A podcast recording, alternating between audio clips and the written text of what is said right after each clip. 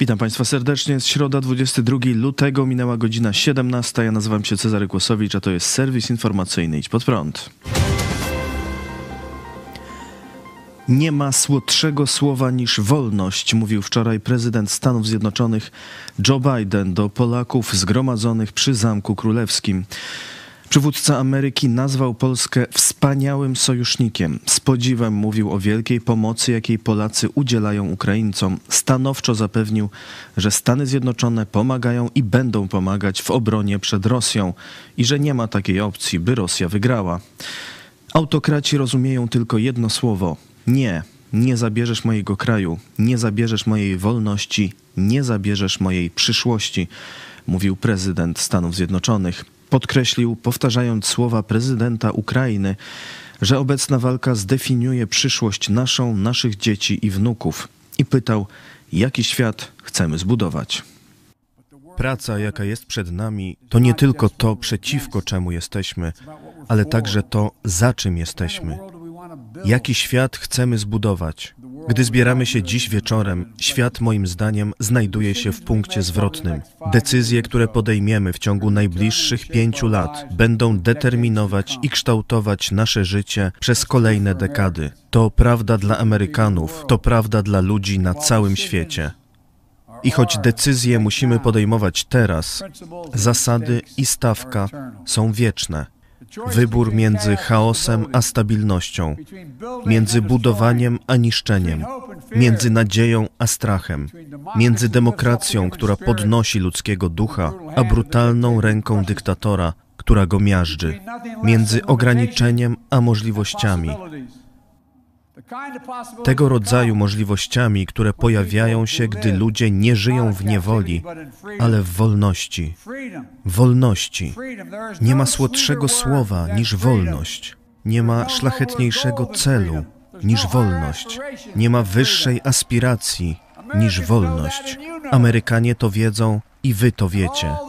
I wszystko, co robimy teraz, musimy zrobić, aby nasze dzieci i wnuki również to wiedziały. Wolność. Wróg tyrana, nadzieja odważnych i prawda wieków. Wolność. Stańcie z nami, my staniemy z wami. Idźmy naprzód z wiarą i przekonaniem oraz z trwałym zobowiązaniem do bycia sojusznikami, nie ciemności, ale światła, nie ucisku, lecz wyzwolenia, nie niewoli, ale wolności. Niech Bóg Was wszystkich błogosławi. Niech Bóg chroni naszych żołnierzy i niech Bóg błogosławi bohaterów Ukrainy i wszystkich, którzy bronią wolności na całym świecie. Dziękuję Ci, Polsko. Dziękuję, dziękuję, dziękuję za to, co robicie. Niech Bóg Was wszystkich błogosławi.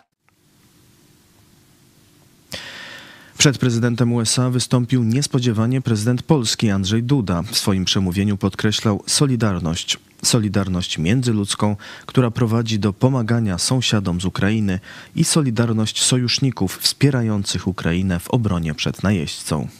Dziękuję prezydentowi Joe Bidenowi za jego niezwykłą odwagę, za jego determinację. Dziękuję amerykańskiemu narodowi, dziękuję władzom Stanów Zjednoczonych, kongresowi za wszystkie donacje dla Ukrainy, za wielkie wsparcie dla Ukrainy, za to, że dzięki tej ogromnej pomocy militarnej Stanów Zjednoczonych Ukraina walczy i inni też wspierają, bo taka jest rola NATO bronić wolnego świata, wspierać wolny świat. Jesteśmy i będziemy solidarni z Ukrainą. Nie ma wolności bez solidarności. Niech żyje wolna Ukraina. Niech żyje Sojusz Rzeczypospolitej Polskiej ze Stanami Zjednoczonymi. Niech żyje NATO. Niech żyje wolny świat. Niech żyje Polska. Nie ma wolności bez solidarności.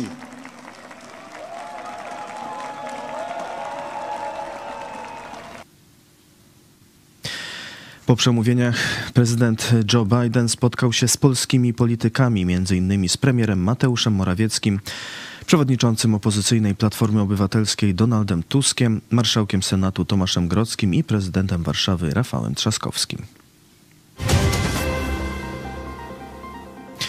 A prezydent Stanów Zjednoczonych bierze teraz udział w nadzwyczajnym szczycie bukaresztańskiej dziewiątki. Jest to grupa państw wschodniej flanki NATO. Należą do niej Bułgaria, Czechy, Estonia, Litwa, Łotwa, Polska, Rumunia, Słowacja i Węgry. Na otwarcie spotkania przywódcy wygłosili krótkie wystąpienia.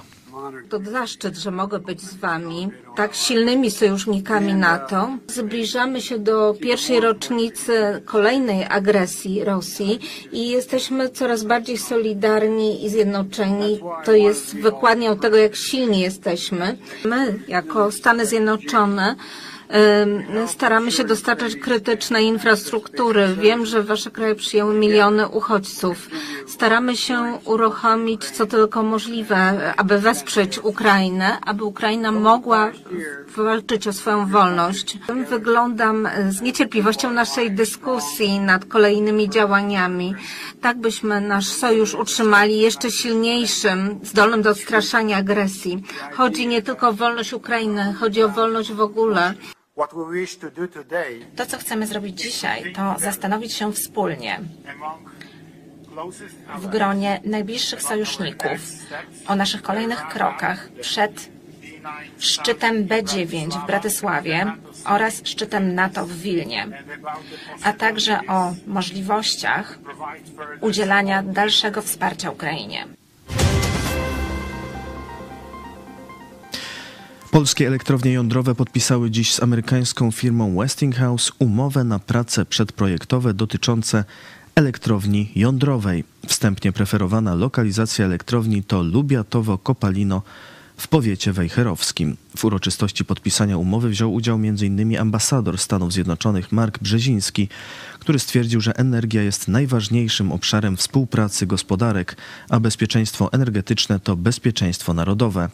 Ambasador dziękował też premierowi Mateuszowi Morawieckiemu za niezwykle istotną współpracę, dzięki czemu ten istotny, wręcz krytyczny element w ramach strategicznych relacji polsko-amerykańskich poszedł naprzód.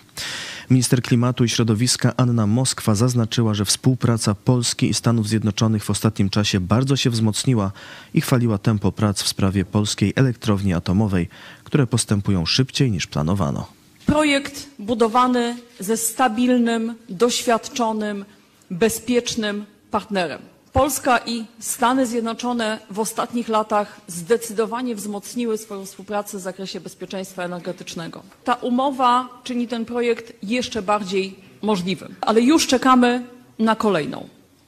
Zobowiązujemy się, że ta kolejna umowa, ten kolejny etap jeszcze bardziej wzmacniający współpracę będzie podpisany jeszcze w tym roku i tutaj mam nadzieję, że przed wakacjami. Byłby to kolejny krok milowy we wzajemnej współpracy energetycznej. Projekt jest, tak jak mówiłam, nie tylko zgodny z harmonogramem, ale w trybie przyspieszonym i takie tempo obiecujemy wspólnie z naszymi partnerami obecny, obecnymi na tej sali do końca tego projektu utrzymać. Rosja próbuje nacierać na pięciu kierunkach, ale wielka ofensywa się jej nie udaje. Tak powiedział Oleksiej Daniłow, wczoraj szef Rady Bezpieczeństwa Narodowego i Obrony Ukrainy. Jak mówił Daniłow portalowi Ukrinform, wielka ofensywa, jaką Rosjanie planowali, trwa już według ich zamysłu 8-10 dni. Nie odnoszą żadnych sukcesów. Ukraiński oficer Taras Berezucki w Radiu Swoboda opisywał, że Rosjanie atakują w rejonie Łymanu i Kremiennej oraz w okolicach Wuchłedaru i Bachmutu. Próby przeciwnika przesunięcia się w kierunku Wuchłedaru, jak wiadomo, zakończyły się katastrofalnymi stratami. Została zniszczona 155. Brygada Piechoty Morskiej Floty Oceanu Spokojnego. Stracili ponad 80% składu osobowego i niemal cały sprzęt. Zrozumieli więc, że tam nie odniosą sukcesu, powiedział Berezucki. To wszystko w tym wydaniu serwisu. Dziękuję Państwu za uwagę. Kolejny serwis jutro o 17, a jeszcze dziś zapraszam Państwa na 18 w telewizji pod prąd. Jak uniknąć wyścigu szczurów radzi psycholog. Zapraszam, do zobaczenia.